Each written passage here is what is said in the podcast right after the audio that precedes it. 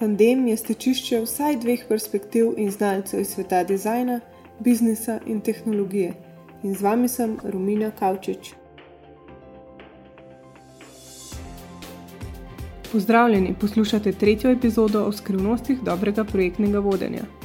Programska oprema se spreminja, strojna napreduje, pojavlja se vse večja fluktuacija med delavci, vse več nas dela nadaljavo. Potek dela je popolnoma drugačen, kot je bil samo pet let nazaj. Spremembe se dogajajo kar čez noč. Kako v hektičnih časih lahko zagotovimo nemotene procese in jih obenem poskušamo iz dneva v dan optimizirati? Kje začeti? Kako začeti? O tem se bomo v tandemu pogovarjali z Urško Saletinger in Marcelo Podboj.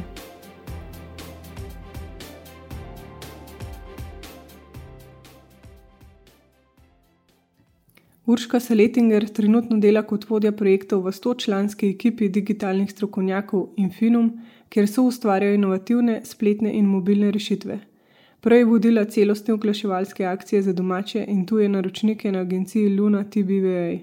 Aktivna je v startupovski pobudi Dela Evitko, poleg tega pa redno prispeva strokovne prispevke za Marketing Magazine. Letos je bila tudi programska direktorica konference Digital. Marcela Podboj je univerzitetna diplomirana krajinska arhitektka. Na začetku svoje kariere je izdelovala krajinske načrte, tehnično in prostorsko dokumentacijo za različne manjše projekte.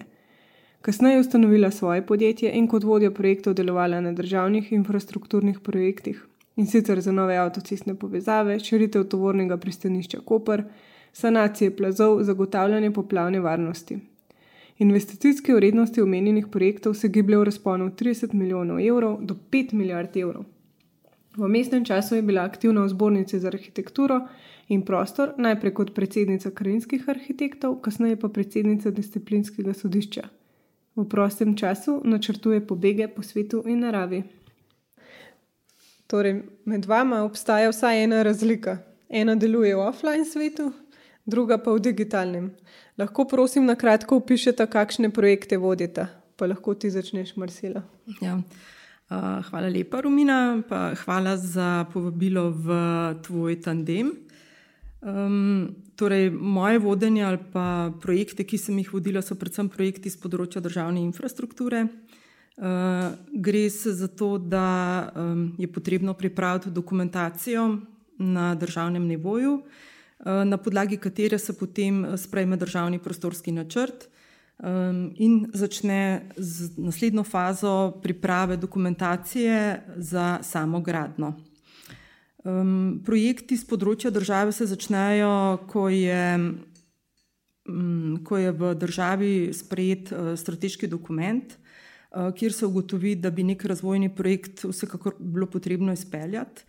Ehm, zato se zagotovijo sredstva, In na podlagi tega se potem začne s pobudo uh, za izdelavo državnega prostorskega načrta uh, in pripravo dokumentacije, razno razne dokumentacije, tehnične, finančne, okoljske, prostorske. In uh, predvsem je koncept ta, da mora biti uh, vsa dokumentacija na teh štirih različnih nivojih med sebojno usklajena. Um, mogoče to na kratko, bo pa potem najbrž tekom vprašanj, uh, bomo prišli na bolj detaljni nivo vodenja. Okay. Uh, Živijo, lepo zdrav, ne pa tudi z moje strani, hvala za povabilo, super družba, se, se že veselim debate. Um, ja, moj tip dela v bistvu v zadnjih dveh letih je res postal zelo fokusiran na digitalni in mobil svet.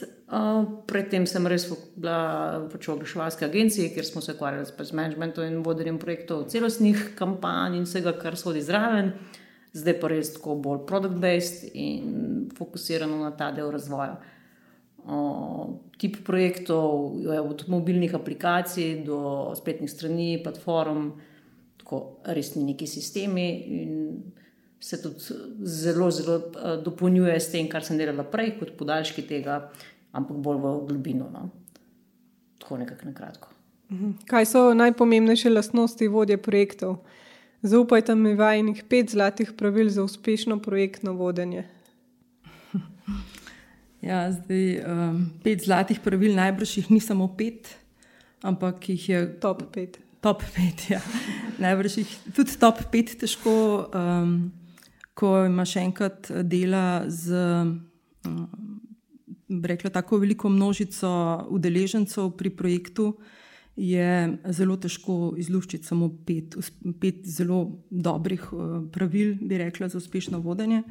Bi pa vsekakor mogoče, glede na moj uh, stil vodenja in pa glede na projekte, ki jih vodim, je predvsem, um, bi rekla, zelo nujno in v prvi vrsti poznavanje zakonodaje, um, kajti pri državnih uh, projektih je zakonodaja tista, ki potem usmerja pripravo dokumentacije v vseh naslednjih fazah. Um, pri samem eh, vodenju gre za, um, bi rekla, v konceptu dve um, pravili in sicer gre za projektno vodenje in pa na drugi strani administrativno vodenje. Um, projektno vodenje se nanaša na vodenje uh, ljudi, na se pravi vodenje projekta samega in vseh teh aktivnosti, ki so znotraj tega projekta, tehnična znanja, bomo rekli, neko delovne skupine, planiranje projekta in tako naprej. In pa seveda to pripravo aktivnosti, namreč eh, dobro administrativno delo znotraj projekta prinaša v sam projekt red in pa stabilnost. Um, da bi pa, že, če pa želiš, seveda, um, dober projekt pripeljati do konca, uh, je treba vse čas vedeti, kaj so tvoje prioritete, uh, kakšne so motivacije, kako boš motiviral skupine. Um, znati moraš poslušati razna mnenja in stališča, ki jih imajo posamezniki znotraj skupin, um, reševanje konfliktov, problemov, um, in pa uh, v zadnji fazi, seveda, pride tudi ta skrb za poročanje, ko moraš poročati investitorju, naročniku, um, državnim inštitucijam in tako naprej. Um, predvsem pa se mi zdi, če bi zdaj to združila, uh, kdaj je projekt um, uspešen, je predvsem takrat, ko dobiš zaupanje vseh, ki sodelujo na projektu. Uh, in da ima skupina občutek, da imajo zelo močnega vodjo, ki ima jasen cilj in da imajo občutek, da so vse čas vodeni. Če zgubiš eno izmed teh niti, če imajo občutek, da so zaplavali, da projekt plava, potem um, je zelo težko um, konsistentno pripeljati projekt do cilja. Je v digitalu kaj drugače? Puh, v bistvu ne. Dejansko bi lahko rekla vse to, absolutno. Um, to, kar res opažam, predvsem zadnje čase, ja, zelo se prav pridajo vse te sistematičnosti in odgovornost do projekta in res ta analitični del, da se eno pač imaš stvari pod kontrolo, ampak še vedno mislim, da ta ključni del, ki nekako tudi jaz res veliko delam na tem, tudi kar se tiče in interno do ekipe, do eksterno do naročnikov, so res odnosi. Pač tukaj se mi zdi res ključno, da je klima prava, da se ekipa počuti dobro na projektu da se naročnik počuti dobro z, eh, z, z nami, da v bistvu vsi nekako sodelujemo in delamo pač v isto smer in za isti cilj.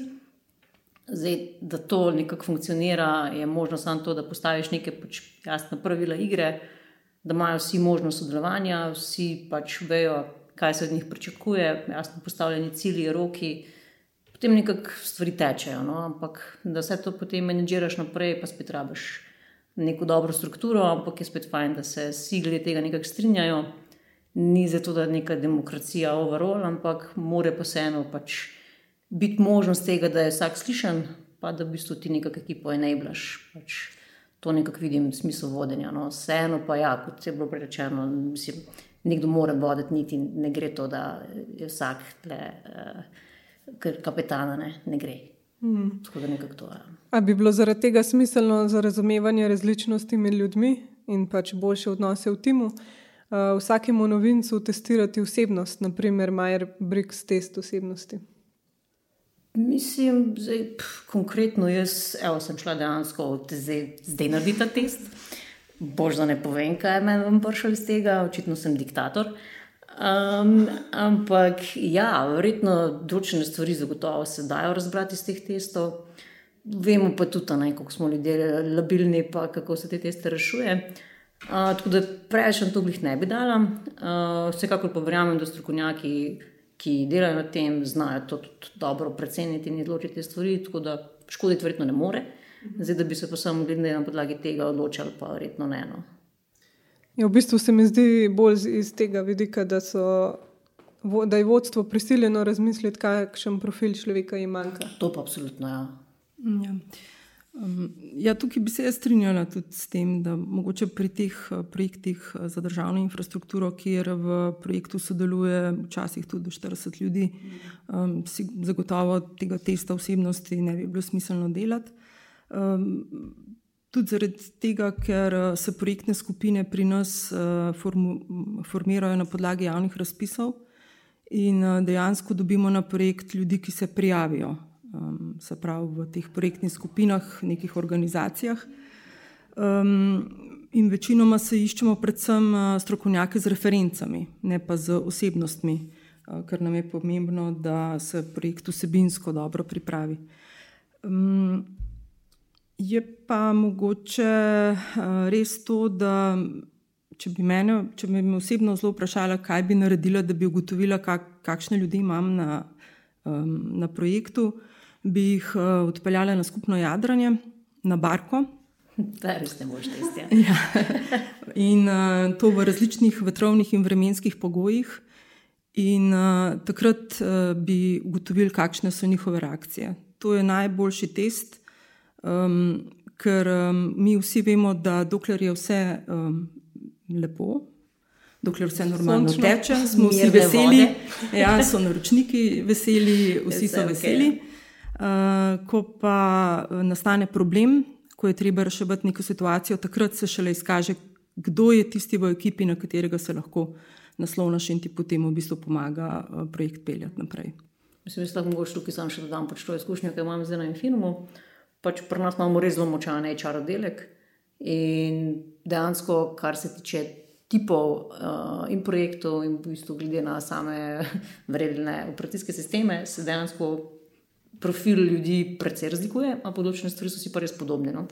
Tako da imamo kar ene par tako nekih dobrih internih orodij, no? ko se že da malo predvideti, kam bi kdo sodel in kam bi pasel. In tudi vidimo, da se res izbira. Mislim, veliko se daje, bolj kot na nekem tehničnem znanju, na tem, ali se človek dejansko vklopi v skupino, pa je timski, ali deluje. Tudi ni toliko tega uh, testiranja v smislu kljukce je pravi, ni pravi, ampak se da vseeno preko določenih vprašanj potem usmeriti, tam potem pa samem okolju, kako funkcionira, pa skoraj bolj ključno. No. Ampak mi je to ključno izpostaviti, da to počne folk, ki to res ima znanje o tem. No, in, ja, da, da ni to pet prijateljev se je odločilo, da da človek slab. Ja. So spremembe v produktnem vodenju posledica napredka tehnologije ali zaželjen del optimizacije procesov?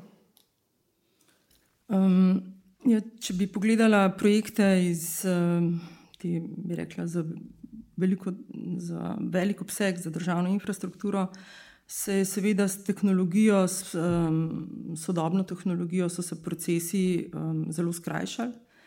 Um, če rečem, recimo, v primerjavi, rečem, nekoč uh, so se projekti pripravljali tako, da se je na sestank prenesel razne načrte in skice, in se je potem deset ljudi sklanjalo nad te projekte in ugotavljalo, kaj je prav in kaj je narobe.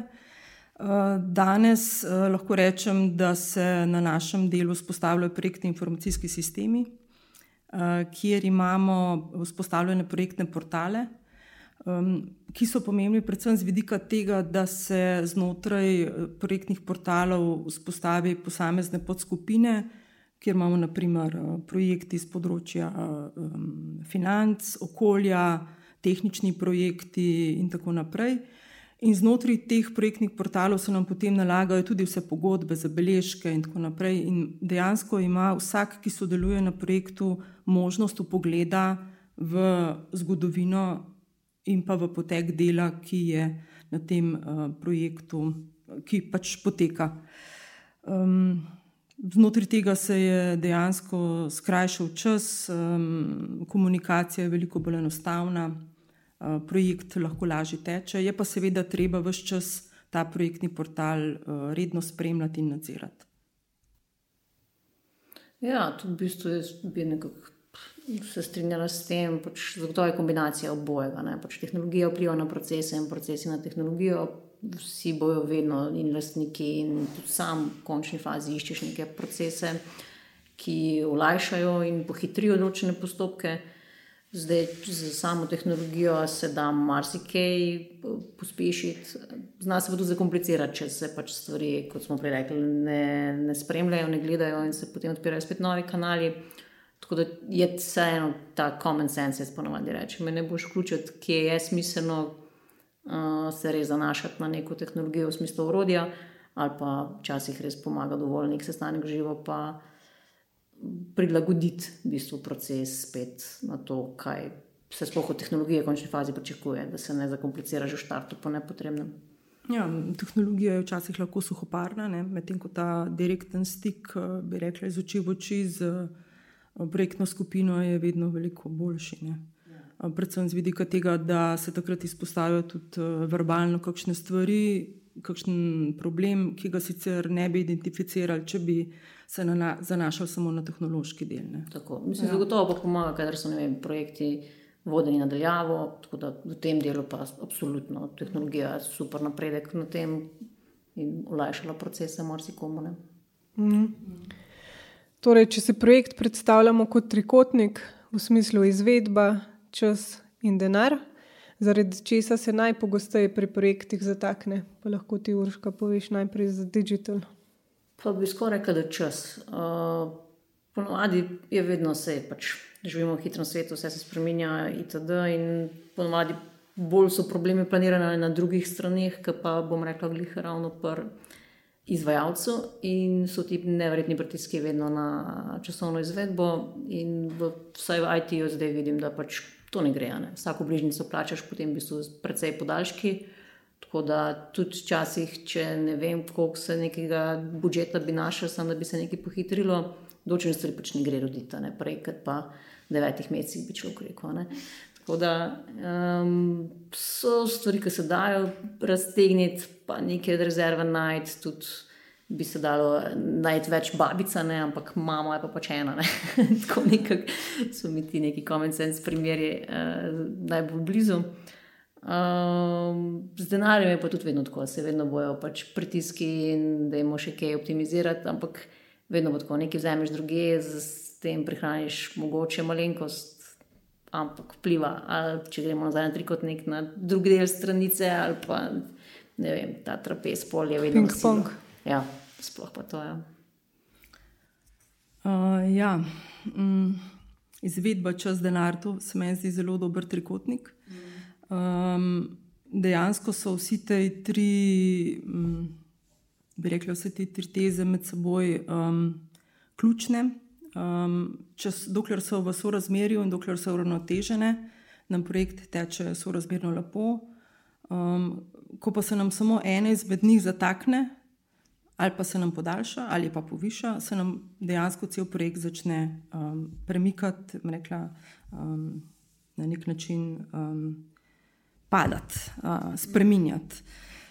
Zdaj pri teh projektih za velike infrastrukturne objekte je predvsem problem v tem, da seveda si mi postavimo nek časovni termin, rekla, terminski plan, znotraj katerega imamo neke zakonodajne okvire, neke roke, do to je še vse v redu.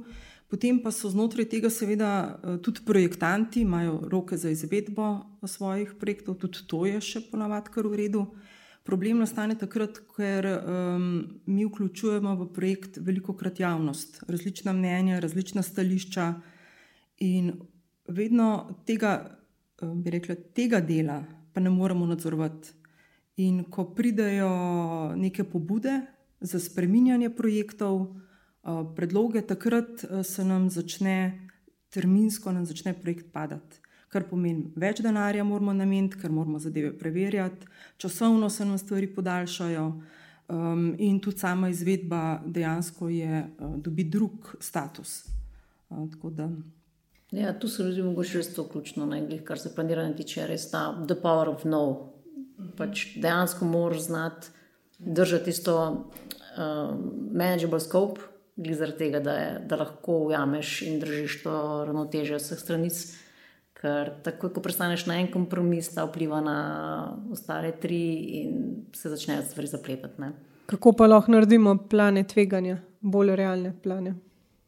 Ja, plani tveganja, vedno, mislim, zdaj da rečem, formalno jih seveda nekaj ne zastavljamo, mm, se pa ukalkulira že vnaprej določene rizike. Tudi vemo, da določene projekti so absolutno že prej bolj uh, nageni k temu, da se v neki zrušili, sploh kadar je več pretenih, pa zunanji faktori, a v bistvu pač neke uh, spet uh, nepredvidljive stvari, ki jih v IT-u moš predvideti, da so. Tako da to je že tisto, kar brez česar ne gre. Ne. Zdaj, plani reševanja, mi se kako skušamo že delati na tem, da um, so stvari ločene po fazah, ravno zaradi tega, ne, da pač se da nekaj stvari manjžirati lažje in prilagajati potem tudi flow. Um, in absolutno pa spet tukaj komunikacija. No. Pač naročnika je treba že vnaprej upozoriti, na kaj se lahko gre na robe, pa ne zato, da bi zdaj hotel jinxati projekt, ampak zaradi tega, da pač so neka realna pričakovanja in da tudi se ve, kaj je realno možno. Uh, mi vedno rečemo, vse se da, ampak pač vedno ta vse se da, ima še neko. Ampak ne. Tako da na ta način. No. A se za, za zaostanke plačuje, oziroma se uporablja penale? Ja, mm, seveda se um, pena, penali na pogodbah se zaračunavajo, um, ker um, vsi, ki sodelujejo pri projektu, um, nekla, ki sodelujejo ali pri tem tehničnem delu ali pri okoljskem, imajo pogodbe, znotraj pogodb so opredeljeni penali, vendar se ti nanašajo predvsem na, um, na fazo, če projektanti ali izdelovalci zamujajo z oddajo določenih gradiv.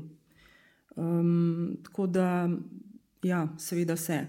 Um, je pa mogoče zanimivo to, ali pa bilo, meni osebno bi bilo zanimivo ugotoviti, um, kadar se nek projekt zamakne ali pa zastane, um, kakšna škoda je v bistvu povzročena, glede na neko družbeno širšo škodo. Ne? Zdaj, če je to naročnik država, če želimo povezati dve točki, cesto od točke A do B, in ta cesta ni zgrajena v dveh letih, temveč zgrajena v desetih letih. Kaj dejansko pomeni ta razlika, ki je nastala zaradi zamikov um, pri, pri sprejemanju tega projekta? To pa ne vem. To, tega, nismo, tega nismo računali, ali pa se je računali, pa jaz ne bi vedela. Okay, poznamo agilno vodenje, sprinte, kamban. Torej, veliko različnih načinov je. Imam izkušnje, da preveč korakov, pravil in različnih orodij zmanjša efektivnost. Kakšen način, po vašem mnenju, najbolj deluje, oziroma kaj priporočate? Mislim, pri nas absolutno težimo no, k agilnosti, že zaradi tega, ker pač se res stvari tako hitro odvijajo in treba se prilagajati, ker določen del to vpliva na drugega, da enostavno, enostavno je treba znati se odzvati. Um, zdaj, da to zagotavljamo, pač ja, tudi mi se poslužujemo in skramo in znotraj tega potem planiranje sprintov, um, in kjer se le da vključujemo tudi klienta v vsa to planiranje. Um, se pa zelo strinjam s tem, no, da overplanning, always kills the project, in tudi v bistvu interno potem ekipo, ker na koncu gotoviš, da imaš že samo sestanke zaradi sestankov. Tako da mi smo nekako se zaujeli v teh nekih v bistvu, dnevnih sprintih in tako se poroča, v bistvu, samo ekipa v bistvu poroča tebi, danes delam to, včeraj sem naredil to in v bistvu tukaj vidim bloker. In v bistvu moj task kot PM je pač, da ta bloker odpravim, da lahko človek dela naprej. In na ta način gre res zelo hitro. To so tako 50-minutni koli in se gre sam čez to. Ne. Absolutno je pa zelo važno, da je pač predtem projekt dobro opredeljen, da se res razbije vse v taske in sledi temu. Pač mi interno za to uporabljamo res kar precej enih tulov, um, absolutno pa vse združeno znotraj enega takega glamoznega in zelo uporabnega.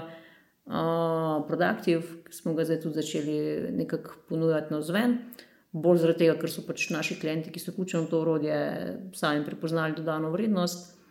Um, in znotraj tega v bistvu se res da voditi uh, projekt, tako da nekako vsi vejo, kje smo, kaj delamo, kaj so naslednji koraki. In v bistvu, kar je ključno, se mi zdi, no, da je res ta task management sistem, da se da opredeliti tudi, kdaj je nek deadline, kaj počneš, no, točno te neke naloge, ki jo ima pred sabo. No. Tako da nekako to. No.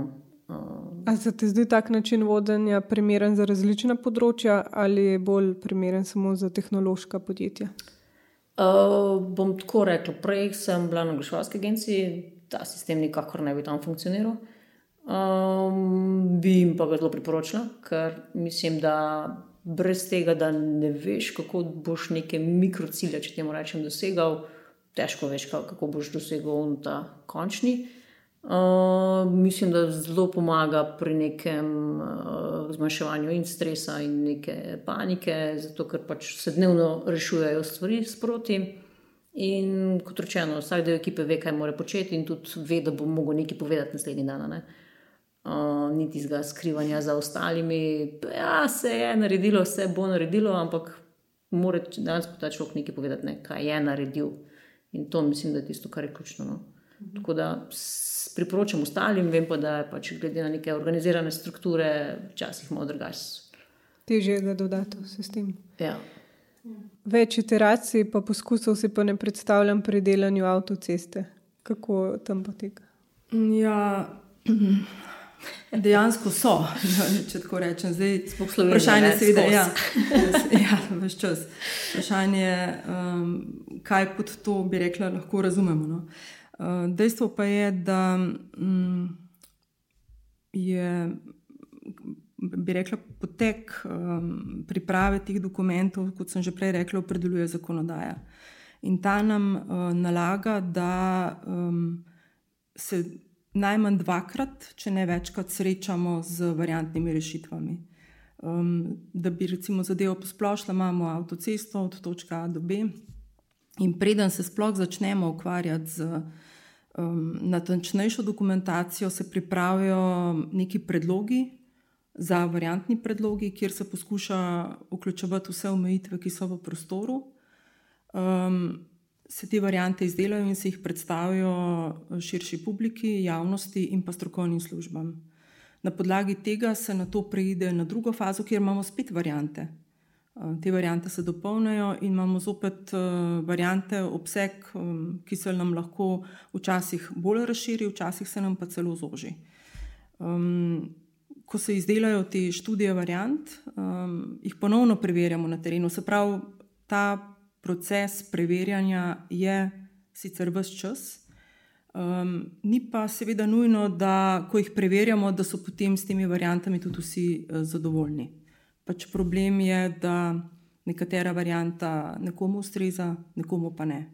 Uh, doseči konsens pri umeščanju velikih uh, posegov v prostor je namreč zelo težko. Preveč je upletenih, preveč je različnih mnenj, veliko je različnih interesov, uh, različnih izhodišč, in um, dejansko je to en tak proces, ki običajno kar traja. Uh, tudi zaradi tega, če se prej navežem na um, vprašanje, vezano na um, način vodenja, ali imamo lahko te kratke sprinte in tako naprej, pri nas tega ni. Um, nek postopek umeščanja traja dve do tri leta. Um, na eni strani je zakonodajni okvir, na drugi so, kot sem rekla, vsi te interesi in tako naprej. In um, bi bilo to sorazmerno zelo težko. Pri nas ne preverjamo na tako hitre roke, ampak kljub samo um, nekje mogoče dnevno, pa vsekakor ne. No. Tako.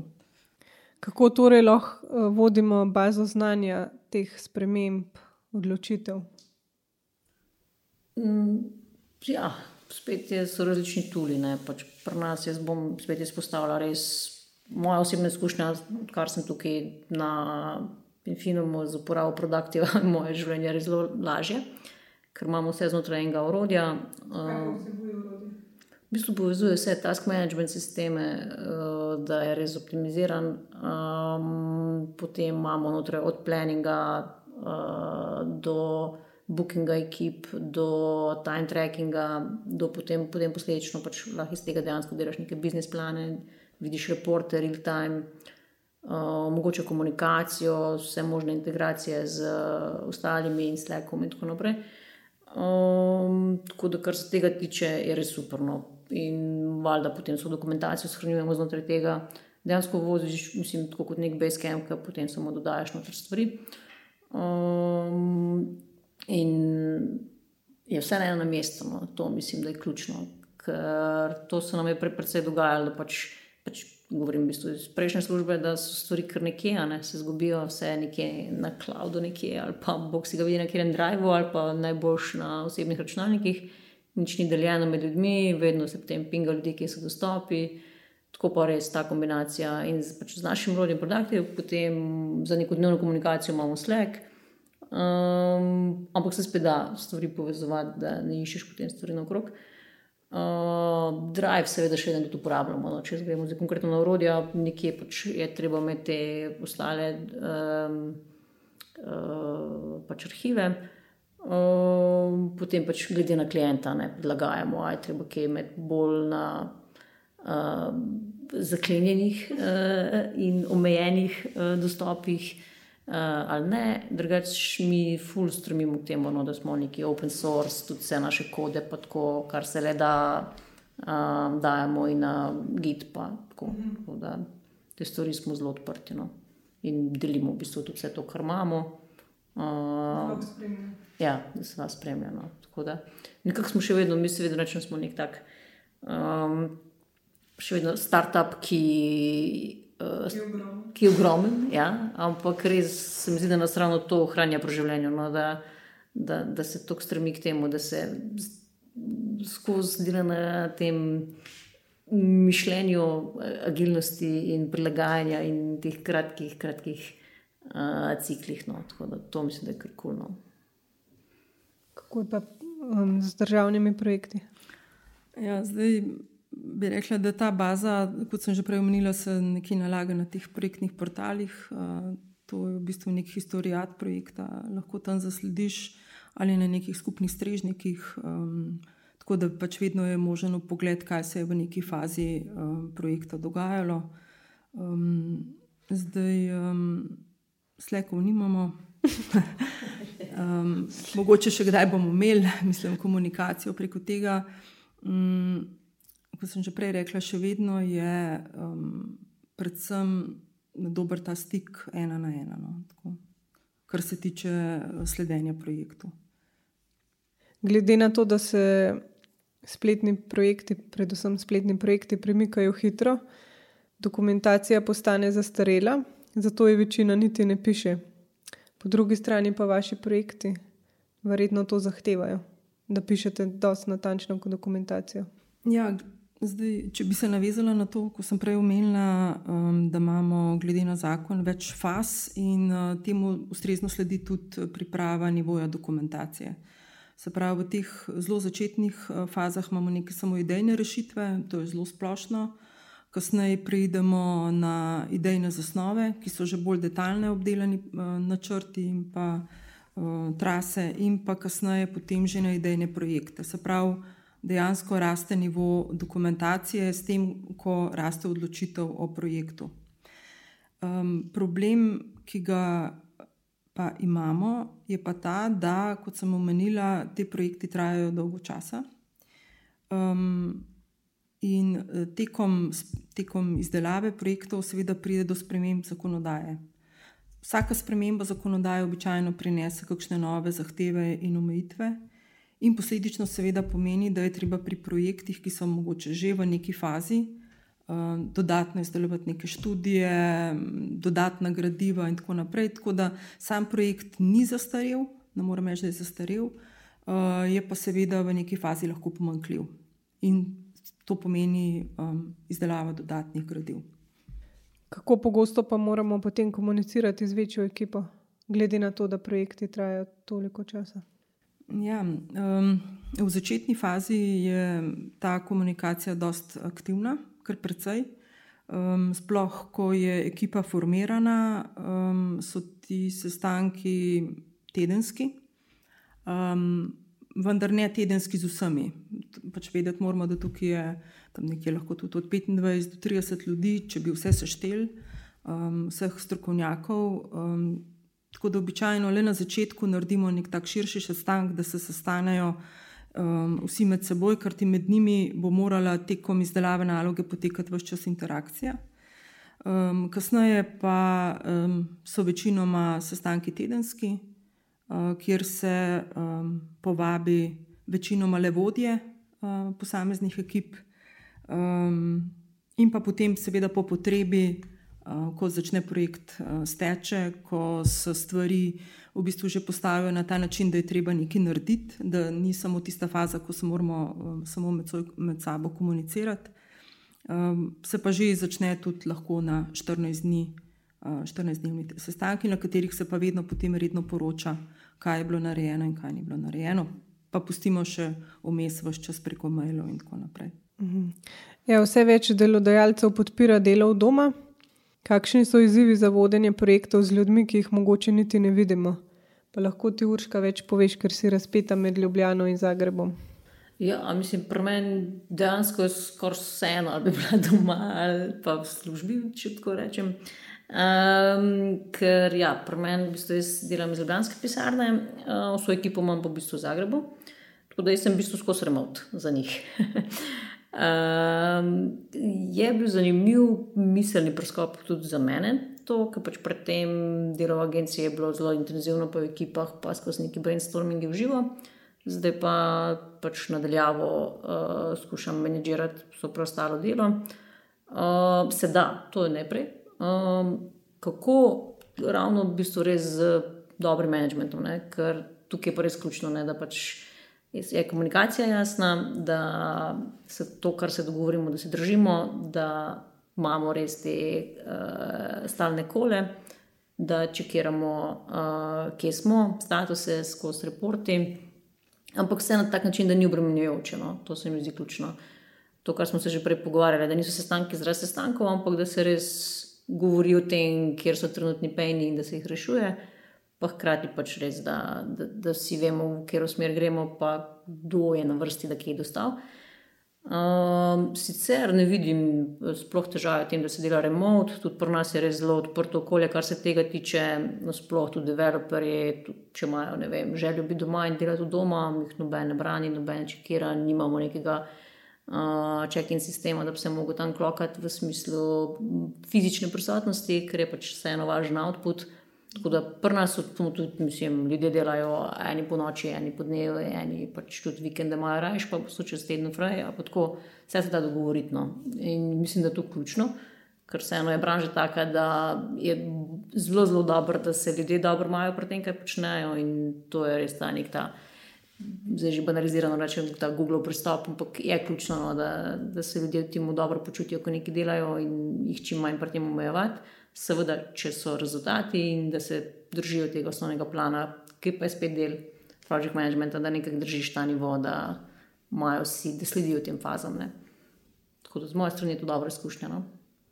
Ja, se strinjam, v bistvu se vse premika v to. Predvsem je pa dobro, da delodajalec spozna, ja, da so tukaj, bolj produktivni. Točno to, mislim, da dejansko je pri nas to no, kriterij.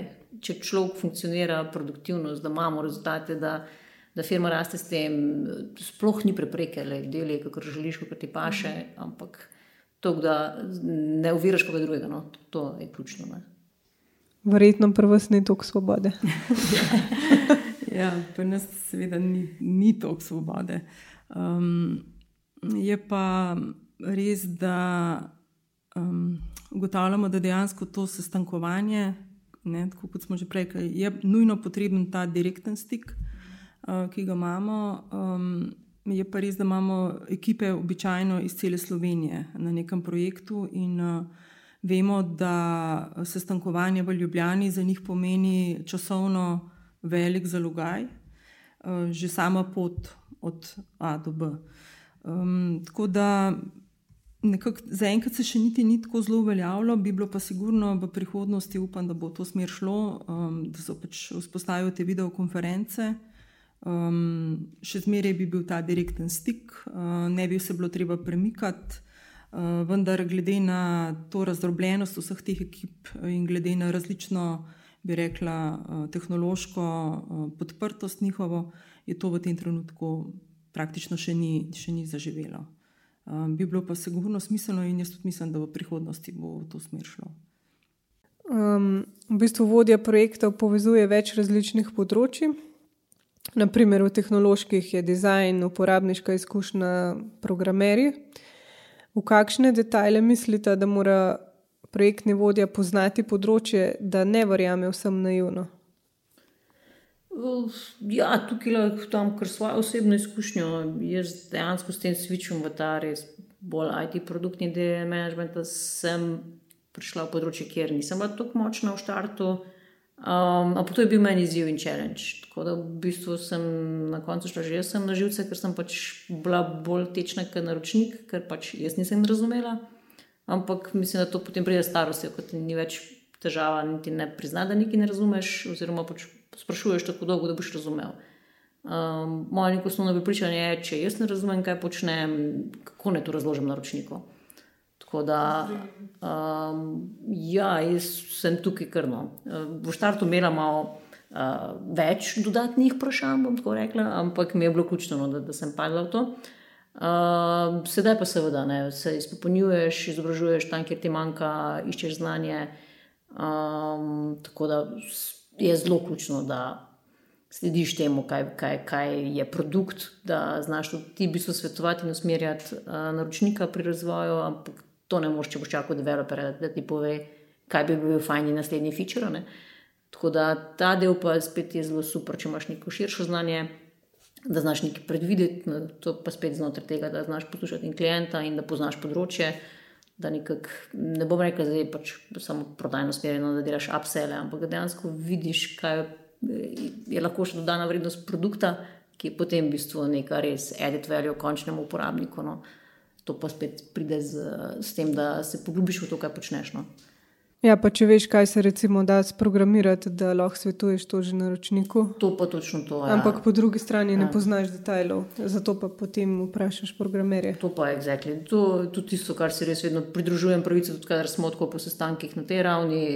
Máš, seveda, imaš občutek, kako približno nekaj traja, kje se bo zapletel, ampak končni del to, da ti nekdo potrdi, da je nekaj izvedljivo je dobro, da to oceni strokovnjak. No? In to so pač res inženirji, ki programirajo na koncu, ne? da te ne potem na koncu vsi.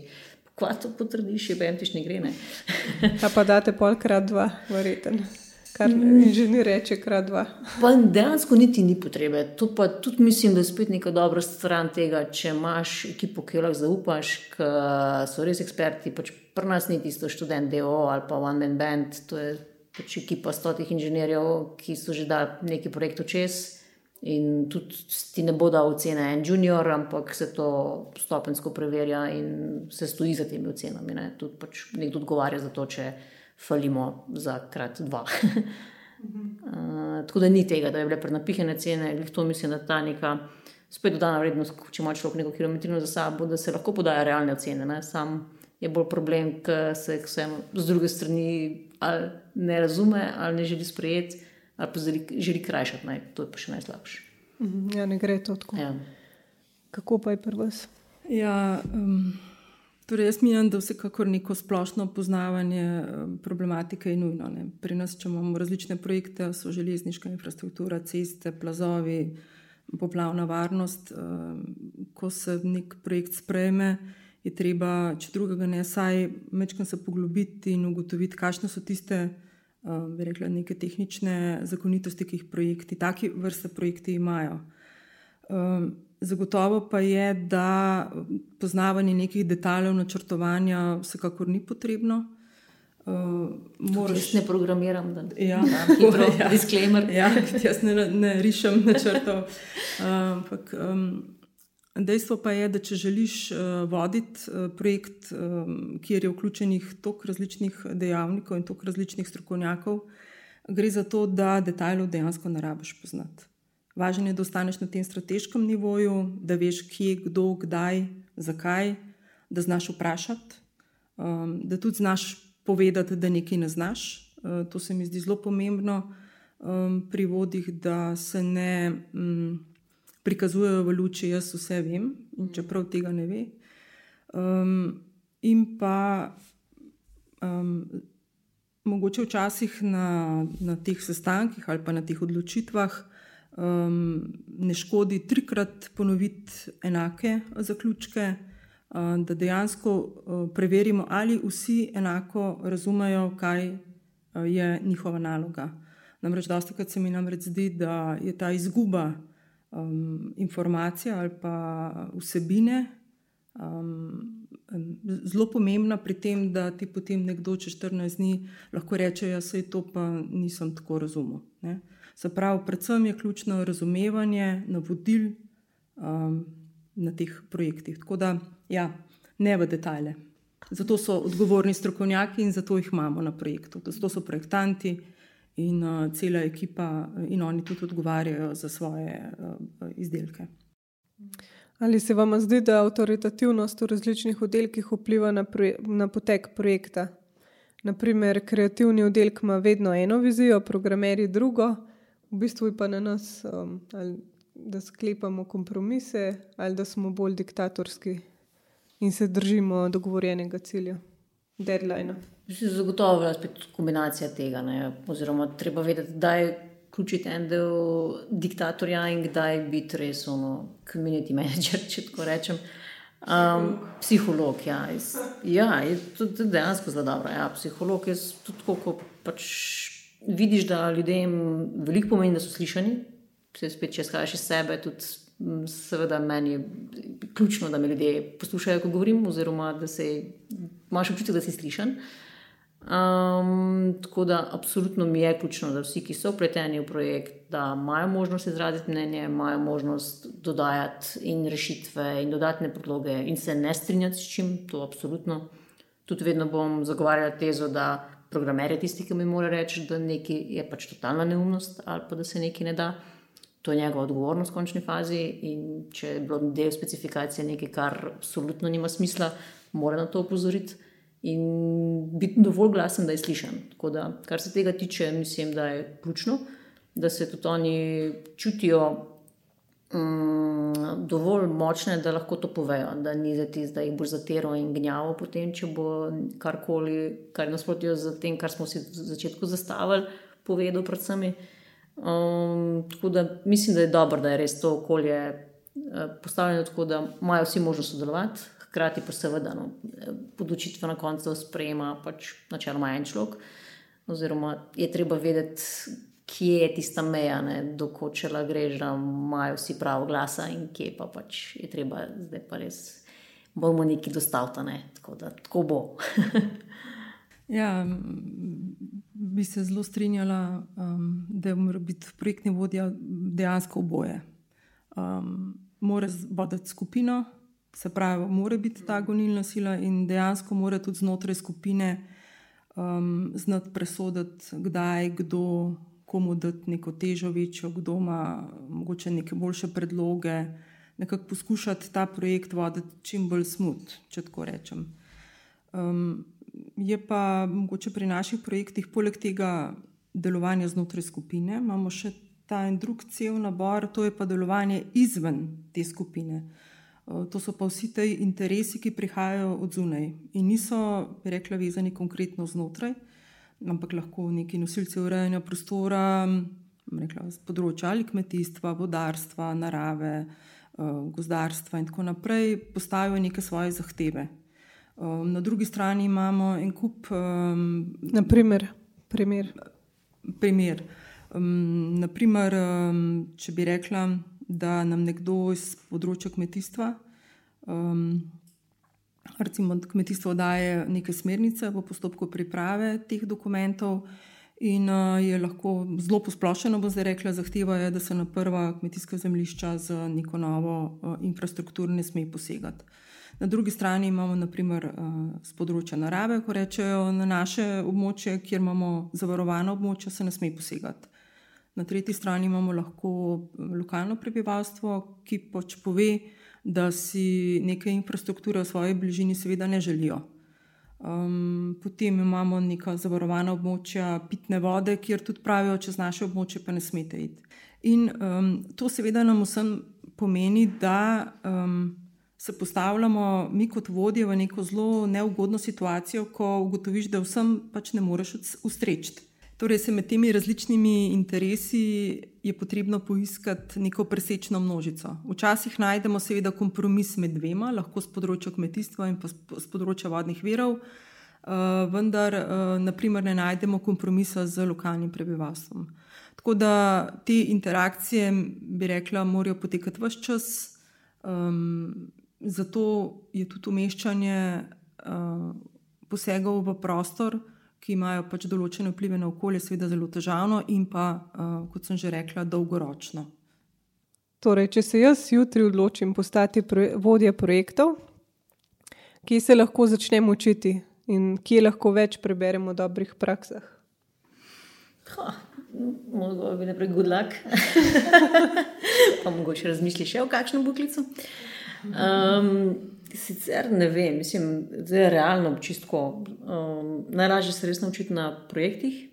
Um, jaz bom vedno prstaš tega, pač, da nekako najlažje je čim prej felati, pa čim prej popraviti. Uh, isto velja v projektnem vodenju. Pač. Um, tudi odvisno, kak projekt imaš, kjer tim dobiš na, na projekt, kakšen je spoh naročnik in se odziva temu primerno.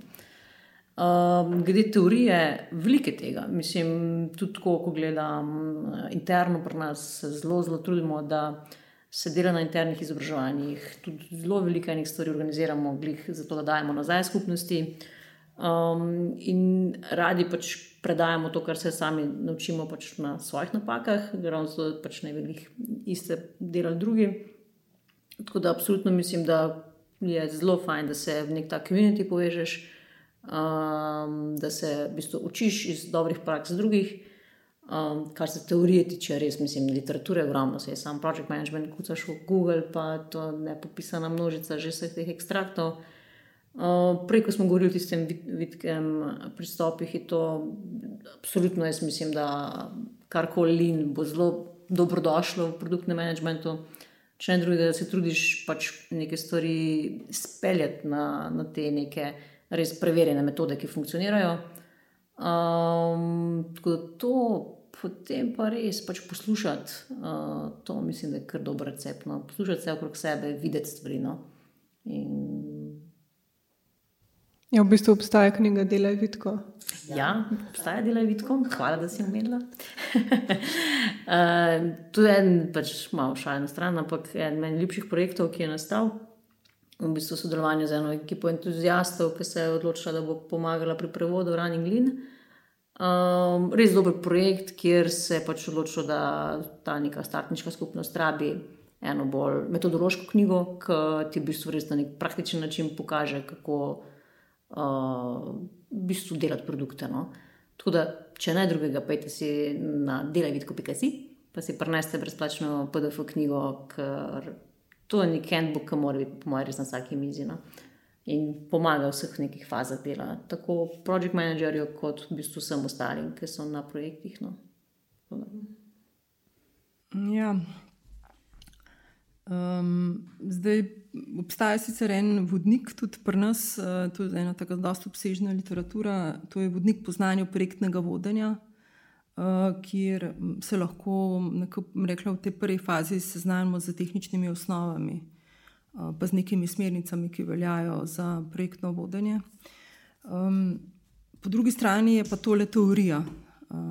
Tle bi se zelo strinjala, da pač enostavno je treba začeti, mogoče neka teoretična znanja pridobiti, eh, potem pa začeti enostavno delati na projektih in pridobivati izkušnje in biti več čas kritičen sam do sebe um, kje si, kaj, je, kaj si dobro izvedel, kaj si slabo izvedel, in v bistvu na ta način rast.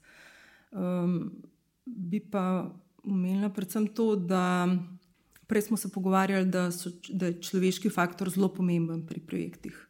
Jaz mogoče celo mislim, da je celo najbolj pomemben. Um, tako da bi priporočala še kakšno drugo knjigo z področja nekih osebnosti, z področja psihologije osebnosti, uh, vedenja in tako naprej, ker to pri takem velikem projektu, pri velikih projektih, ali lahko tudi malih, um, je zelo dobrodošlo. Predvsem pa izkušnje. Izkušnje, izkušnje. Čim več ekip, različnih, čim več različnih ekip, um, ker le te različne ekipe nas bogatijo, tudi nas same, uh, drugače se moramo tudi sami obnašati znotraj njih. Um, vsak projekt, praktično vsak od nas drugače pelje. Uh, in tudi sam projekt, glede na ekipo, moraš pravilno nekje si zastaviti, glede na to, rekla, kakšno bazo si dobil. Hmm. E, Hotel sem, še to dodati, da pač obstaja res ogromno nekih programov, tudi formalnega izobraževanja. Tako da to zagotovo pomaga no, nekih začetkih, če ti je to cilj, da to postaneš. Ampak spet nekaj iz mojih izkušenj, rekel, da ne poznam jih projektnega vodja, ki bi se odločil, jaz bom pa zdaj projektni vodja in bo šel zdaj v to smer, ne vem, na faksa pa nekaj. Ne. Tako da tudi jaz sem družboslovec, recimo, ne, v osnovi. Tako da vsa neki dodatni skilsi in to, kar imaš prirojeno, pomaga. Uh, tudi no podelati na tem. Tako da brati čim več, skozi se izpopolnjevati, pomaga, ampak najdi si nekaj, kar ti leži ne? in tudi glede na okolje, kjer deluješ. No? Tako da, da nisem neka teorija brez prakse, to je useless. Mm. Se pa teže v bistvu pot ponese, ker ti si tudi najprej delala več različnih oglaševalskih projektov, pa si se pa v bistvu bolj usmerila v digital. Ja, točno to. Uh, ravno to potem vidiš no, preko projektov, no, kaj ti leži, kaj ti ne. Tudi ni rečeno, da, da, da, ti, da ne delaš dobro tega, kar si počel, ampak rabiš tisto neko notranjo motivacijo, nekaj, kar te vleče. Ne. Uh, Pač jaz mislim, da vse pri meni bo to ključno. Pač jaz ne morem delati nekega projekta, kjer mi je muka zraven. In zato je res fajn, da najdeš smer, ki ti je blizu, pa znotraj tega se potem razvijaš naprej. Tako smo se pač prej že pogovarjali, je ključno, no, da stvari razumeš in da, da se poglabljaš v to. Ne? Ker če ti ni, potem res težko motiviraš vse okrog sebe. Kar smo prej ugotovili, ključni del menedžmenta je ravno to, da so vsi okrog tebe nahajpani in da vemo, zakaj delamo in da bomo dobro naredili in da bomo na koncu vsi srečni in imeli kul cool produkt, ki se ti ne, ne ga sram pokazati ali pa mm. podpisati pod njega. Da se ustvari neka timska energija. Ja, to je res ključno. No. Vse je to, če se še imamo nekaj teh motivatorjev. No. To mislim, da je tudi zelo, zelo vredno in tudi, da se dela na tem, tudi znotraj firme prepoznato da je kako je to počno. Mi imamo recimo neke tim budžete, glih za, ta, za, te namene namenjene, uh -huh. da se res spravi ekipa nekam pa nekaj naredi. Umesti... Torej manjša ekipa, znotraj ja. podjetja manjša ekipa. Ja, ja. Kako to, pa to deluje? Mislim, se ga zaslužijo tim budžet, ki uspešno končajo projekt ali po defaultu vsaka ekipa? Čisto, ne, odvisno. Načeloma gre po, po timih.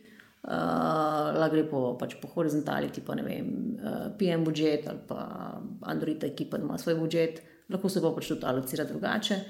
Uh, ampak smisel tega je, da pač veš, da, da, ni, da nisi isto omejen, da treba vem, nagraditi samo takrat, ko je konc projekta. Ampak če vidiš, da ti vmes neki bi bilo dobro, da se dodatno motivira in stimulira ekipo, imaš to možnost, no, brez nekih hudih dodatnih pogajanj, tudi, ampak je to neki del našega DNK, -ja, pač, da se to stimulira naprej. Ne. To je pa super. Ja. Ja, to je super, prvo tega ni. ja. Ja, pač ni tega budžeta, ne. Ja, gre le za neke druge vere financiranja. Tako da se mi zdi pa to zelo dobro. Bi pa se navezala na to, kar je Uška rekla. Uh, ja, um, projektni vodja v bistvu po mojem, kar postaneš. Eh, nekje začutiš v sebi, v nekem trenutku, da pa mogoče bi pa bil ta smer, tvoja tista prava smer, predvsem iz svoje osebnosti.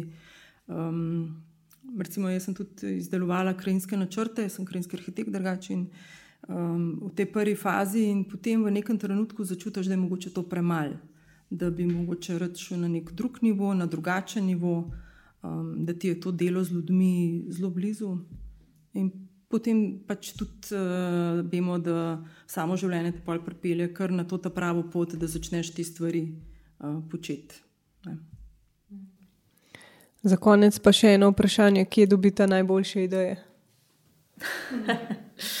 uh, um, kaj povem, jaz, če gledam sebe, res sem obkrožena s čudovitimi ljudmi in skrbim za to, da me še naprej obdajajo in da imam neko to konstantno interakcijo in ta realni feedback uh, iz realnega sveta, glede na to, koliko preživim v digitalnem in o, vse ostalem, razen offline.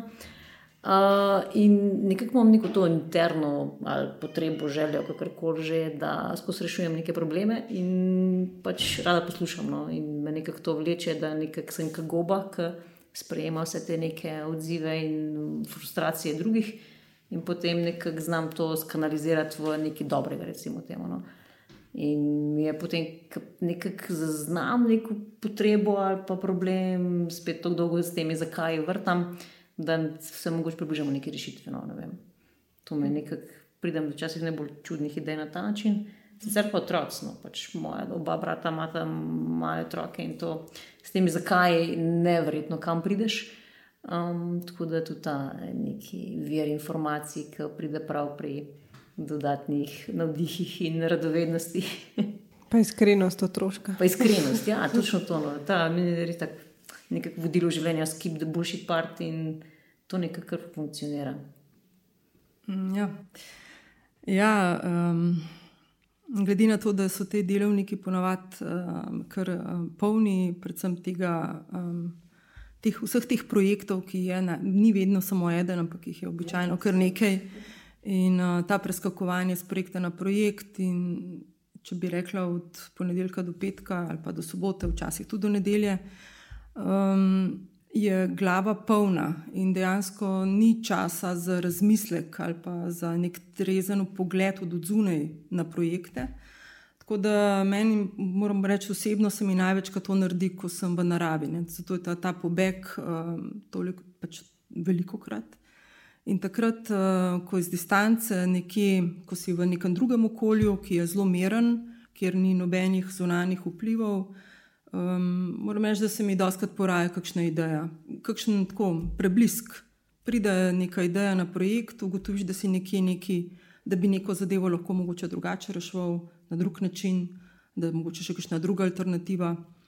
Ampak običajno to vedno, ko sem odmaknjena od projekta. Ne takrat, ko sem noter, ker je to, vemo, kako je takrat aktivno. Vse je zelo aktivno, nimaš časa za razmislek, nimaš časa za razmislek. In je, se mi zdi, da narava je tista, ki saj meni osebno, ali pa drug šport, narava, šport in tako naprej, prav vedno odklop in potem tako zelo um, selektiven priklop nazaj na projekt. No, v bistvu sem ravno to še želela ja, sam dodati, da kako je pomembno, da najdeš nek ta balance v iPhone, da, da veš, kdaj si službe in kdaj si doma. Uh, da najdeš neko aktivnost, nekaj, kjer lahko potem, pa ne bi rekla frustracija, se ni nujno, da so frustracije, ampak da gre ta energija ven, ker te hkrati s tem pač tudi napaja. Ne. Tako da jaz mislim, še vedno sem prestaš tega zdrav duh, zdrav telesu, tako da najte nekaj, kar vas no, bilda in pripravi do tega, da si spočit in tudi sam navdihen za druge. Ne? Ker mislim, da je to ključno. No? Če imaš enega zafrustriranega vodjo, ne vem, no, ni verjetno tako prijetno, ker pa za enim, ki je vseeno nekako eh, pozitivno naravnan in spodbuja tudi ostale. No? To mislim, da je ključno. No? Se popolnoma strinjam. Hvala vam za toliko uporabnih nasvetov in znanja. ja. Hvala za povabilo še enkrat. Ja, hvala za povabilo, tudi meni, Urška, da sem te spoznala. Ja. Ja. Se vidimo, kaj je v hribih? Ja, sigurno. Ja.